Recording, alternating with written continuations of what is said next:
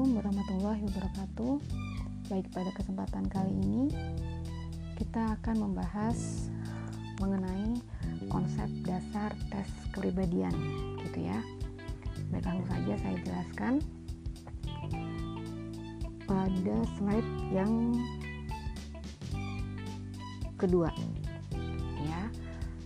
Sambil disimak PowerPoint-nya slide kedua ada introduction ya um, di sini saya akan menjelaskan terlebih dahulu mengenai apa itu tes psikologi apa itu tes kepribadian gitu ya jadi nantinya dalam tes kepribadian ini kita akan lebih membahas mengenai seluk-beluk kepribadian seseorang yang bisa dilihat melalui tes-tes yang akan dijalankan.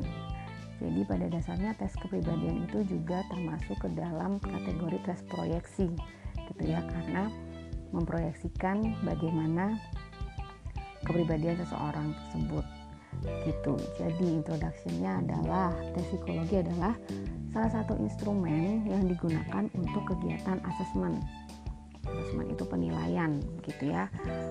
Lalu, tes kepribadian itu sendiri adalah instrumen untuk mengukur ciri-ciri emosi, motivasi antar pribadi, sikap yang dibedakan dari kemampuan. Lalu, tes kepribadian bukan merupakan tes kemampuan seperti tes intelijensi. Nah, sebagai tools atau alat untuk mengetahui gambaran kepribadian yang dimiliki seseorang. Itu fungsinya tes kepribadian. Begitu. Uh, lalu bagaimana dengan pemeriksaan psikologis? Nah, pemeriksaan psikologis itu sendiri merupakan suatu proses yang dilakukan oleh seorang psikolog untuk memperoleh gambaran tentang diri subjek atau testingnya begitu ya lalu tes-tes psikologis itu digunakan untuk mengungkap gambaran diri testing baik kepribadiannya, kecerdasan, sikap, minat. Jadi berbeda ya tadi tes psikologi, tes kepribadian dan ini adalah pemeriksaan psikologis. Pemeriksaan psikologis itu lebih ke semua instrumen bisa digunakan gitu. Nah, hasil dari pemeriksaan psikologis ini dapat digunakan untuk mengambil keputusan. Misalkan apakah nanti seseorang itu harus menjalankan suatu konseling, terapi atau yang lainnya. Gitu. Nah, gimana ya sejarah tes kepribadian? Hmm. Tes kepribadian itu sendiri awalnya muncul uh, awalnya muncul teknik kuesioner sebagai prosedur standar penelitian kepribadian yang dicetus oleh Sir Francis Galton gitu ya. Jadi beliaunya itu membuat uh, suatu laboratorium penelitian gitu di mana teknik-teknik ini beliau teliti begitu. Kemudian semakin berkembangnya lalu uh, Stanley Hall Stanley Hall Memperluas metode ini dengan menggunakan sampel orang dewasa untuk menggambarkan tren perkembangan kepribadian pada remaja. Jadi eh, apa yang masih ada kekurangan pada alat tes alat tes yang sudah diciptakan sebelumnya itu diperbaharui di sini. Kemudian lanjut pada tahun 1917 itu tes inventory pertama yang dikembangkan untuk melakukan penelitian terhadap kepribadian individu adalah personal data sheet yang dikembangkan oleh Woodward gitu. Ya, tes itu digunakan pada perang dunia pertama lebih untuk seleksi para tentara begitu ya. Nah kenapa disebut inventory? Karena menggunakan paper and pencil test gitu. Jadi pengerjaannya menggunakan kertas dan pensil itulah kenapa disebut sebagai tes inventory? Ya lanjut. Uh, selanjutnya ada klasifikasi tes. Klasifikasi tes di sini ada empat uh, macam. Yang pertama ada klasifikasi tes secara individual atau kelompok. Yang kedua tes objektif atau non objektif yang ketiga speed and power test. Dan yang keempat klasifikasi lain yang disesuaikan dengan isi atau proses Ya, um, untuk yang pertama yang akan saya jelaskan yaitu mengenai individual atau kelompok. juga klasifikasi tes secara individual atau kelompok. Di sini tes individual itu adalah tes yang diberikan secara perorangan. Jadi tester berhadapan langsung dengan testi. Contohnya pada tes RO, tes RO atau tes Rosah, tes Bine dan uh, tes Wessler. Tes Wessler sendiri ada ada WISC, ada WISE, ada WPPSI gitu ya. Nah, ini penerapannya adalah dilakukan secara individual. Begitu. Lalu tes kelompok itu adalah tes yang diberikan tester kepada sekelompok testi. Contohnya tes uh, Raven. Tes Raven itu ada SPM dan juga ada CPM. Gitu. Lalu uh, mengenai tes objektif dan uh, non objektif. Tes objektif atau non objektif didasarkan atas sistem penilaian. Tes objektif sendiri mempunyai standar penilaian, penilaian yang tentunya objektif.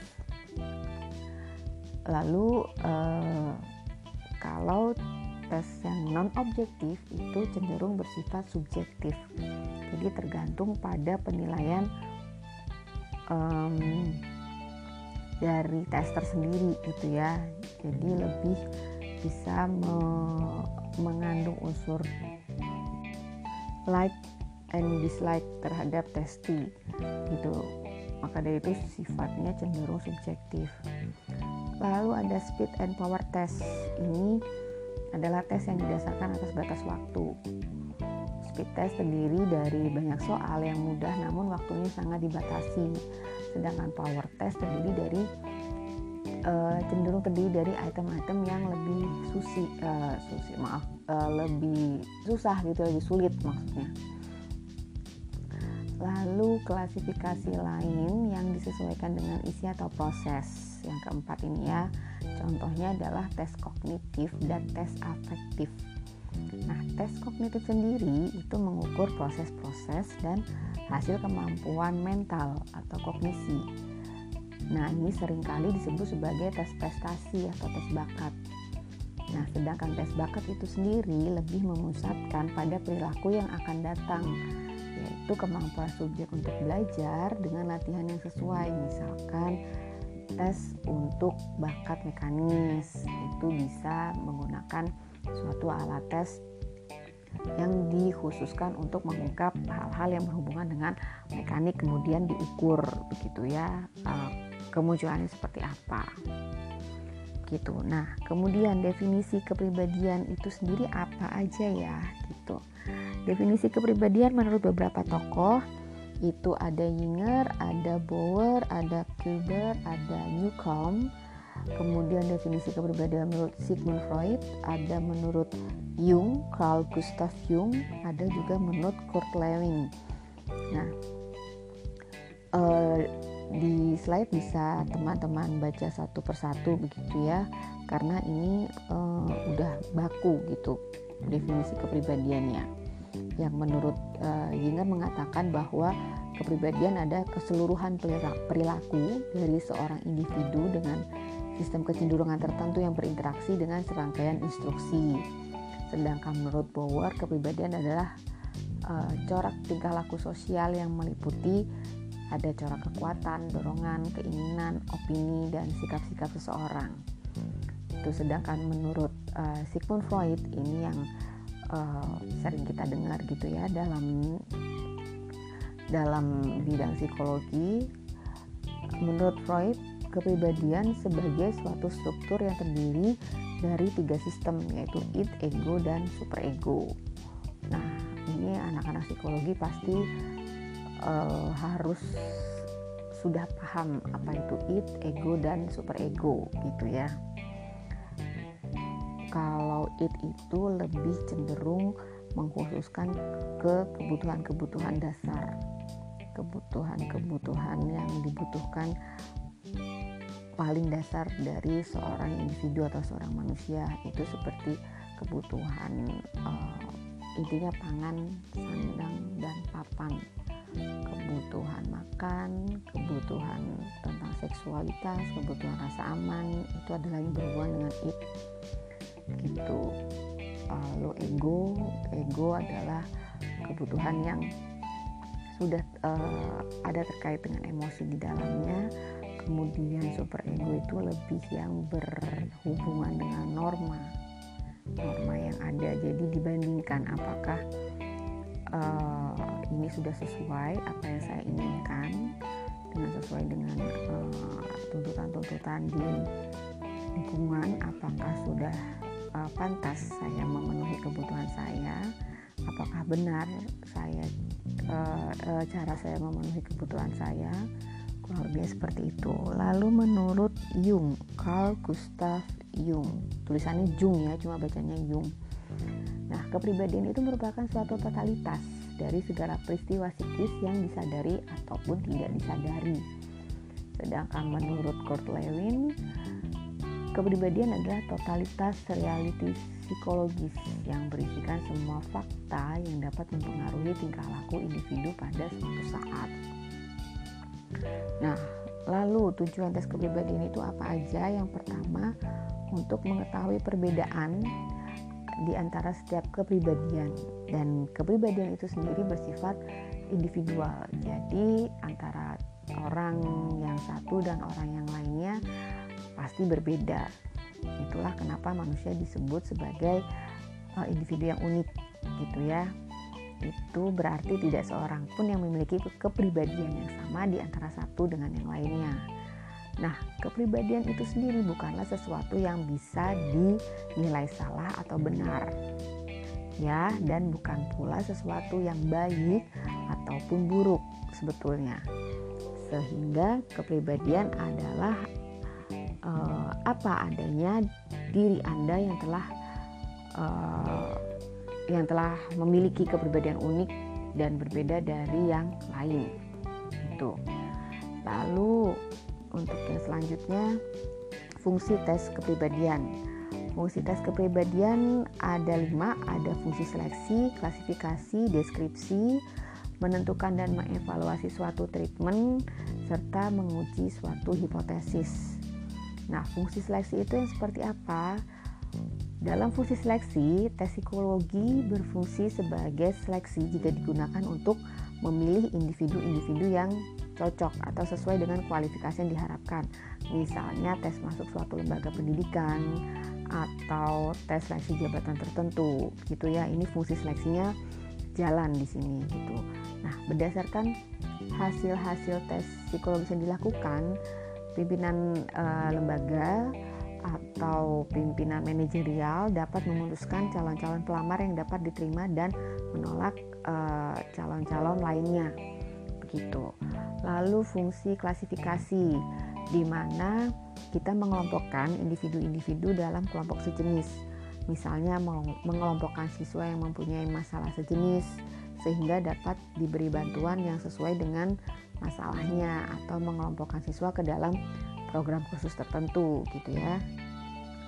Lalu untuk yang selanjutnya ada fungsi deskripsi di mana tes ini berfungsi untuk menjelaskan profil seseorang baik gambaran psikopatologisnya, diagnosis diferensial, deskripsi dan prediksi tingkah laku sehari-hari. Itu jadi lebih bersifat menggambarkan gitu ya bagaimana uh, fungsi-fungsi yang bisa dijelaskan mengenai profil seseorang tersebut gitu. Lalu yang keempat menentukan dan mengevaluasi suatu treatment.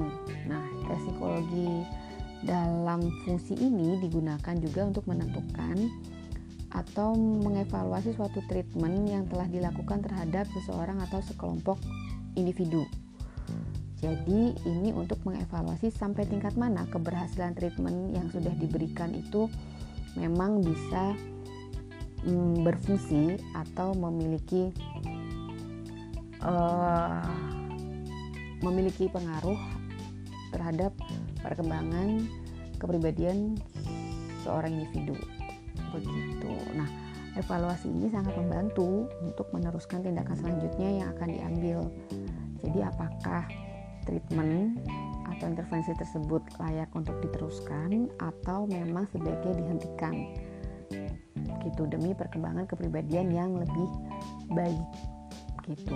Ketika seseorang individu sudah dirasa mampu untuk lebih beradaptasi, dan memiliki perkembangan kepribadian yang cenderung lebih baik, maka uh, sebuah treatment atau intervensi itu sudah uh, layak untuk di uh, diperhatikan atau di dikembangkan menjadi treatment atau intervensi yang lain menyesuaikan dengan perkembangan kepribadian orang tersebut.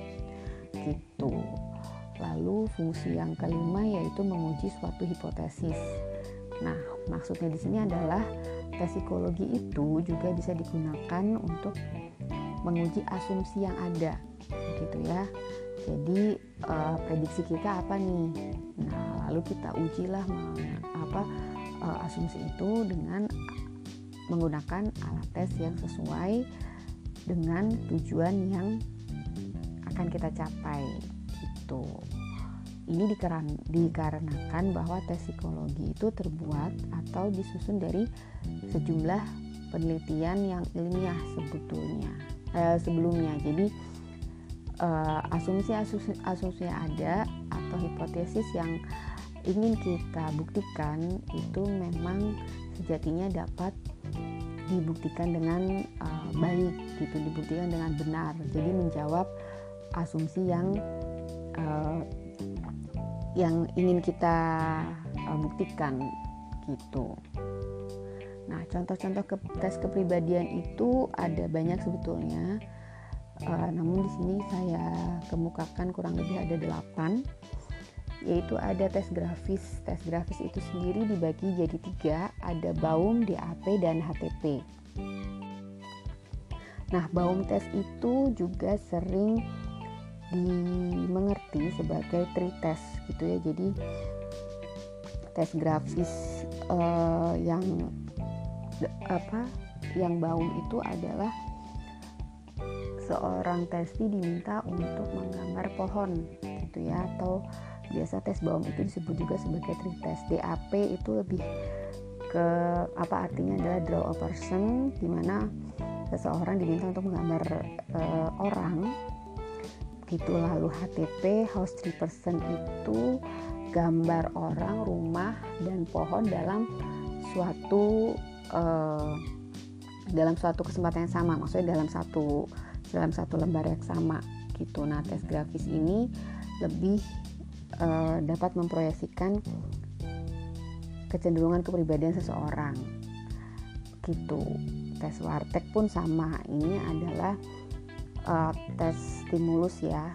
Gitu. Jadi ada satu stimulus yang harus dilanjutkan uh, dengan apa untuk menjadi suatu gambar. Lalu nanti kita analisa bagaimana kemunculannya apakah gambar yang diciptakan lalu tes row row tes row itu atau atau bisa disebut juga tes bercak tinta gitu ya. Tes CAT dan TAT itu juga tes mengenai uh, maksudnya bentuknya adalah ada beberapa gambar yang bisa di diceritakan. Jadi testi diminta untuk menceritakan beberapa eh, gambar-gambar uh, yang ada pada sebuah kartu gitu ya. Jadi ada kurang lebih beberapa kartu yang bisa mengungkap uh, kepribadian seseorang. Lebih ke untuk mengungkap adanya kecemasan-kecemasan atau gangguan psikologis lainnya yang ada dalam diri seseorang. Misalkan ada sisi traumatis kah? Atau ada sisi um, apa namanya uh, ketakutan ketakutan terhadap sesuatu fobia ini bisa diungkap dari CAT dan TAT lalu MMPI Minnesota itu ya. Lalu MBTI itu juga tes kepribadian. Itu lebih menjawab uh, pernyataan-pernyataan yang ada. Memilih salah satu dari dua pernyataan lalu kemudian di situ nanti bisa kita lihat mungkin kalau tes tes MBTI ini sudah marak uh, terjadi atau sudah banyak di uh, situs-situs online gitu ya untuk uh, screening cepat kepribadian. Nah itu sebenarnya uh, bisa bisa sebagai uh, suatu screening yang bisa bisa kita pakai gitu namun validitas dan, dan reliabilitasnya uh, harus kita lihat lagi atau kita sandingkan dengan alat tes yang lain. Gitu. Itu hanya merupakan screening atau gambaran awal gitu ya. Apakah bisa diyakini? Apakah layak untuk diyakini uh, itu valid atau tidak uh, bisa diyakini dengan kita membandingkan dengan alat uh, maksudnya menyandingkan dengan alat tes yang lain. Jadi kita lihat juga uh, misalkan ketemu nih akhirnya kepribadiannya adalah uh, apa ISFP atau ESTJ gitu ya. Atau apa uh, sebetulnya banyak karena apa kategori dalam MBTI gitu. Nah kita lihat juga uh, kita observasi juga sebetulnya um, individu tersebut lebih mengarah ke kepribadian seperti apa gitu. Jadi itu hanya bisa bisa sebagai screening awal aja sih. Kalau EPPS itu uh, juga yang termasuk tes normatif gitu ya. Dan kemudian tes kepribadian yang lain ada DISC nah tes-tes kepribadian ini sifatnya lebih cenderung subjektif. Subjektif dalam arti tergantung dari kapasitas, kompetensi, dan uh, jam terbang dari seorang tester gitu ya untuk menginterpretasi suatu hasil tes dari tes kepribadian itu diperlukan uh, intuisi yang yang tepat gitu ya. Jadi semakin kita sering untuk menganalisa atau melihat gejala eh, gejala-gejala psikologis yang ada dalam tes kepribadian akan semakin uh, istilahnya akan semakin jeli dan detail dalam menganalisa hasil-hasil tes kepribadian gitu. Karena tes kepribadian ini tidak ada hmm, norma yang yang terstandarisasi atau norma yang mengatur untuk bisa dikonversikan secara uh, real gitu ya.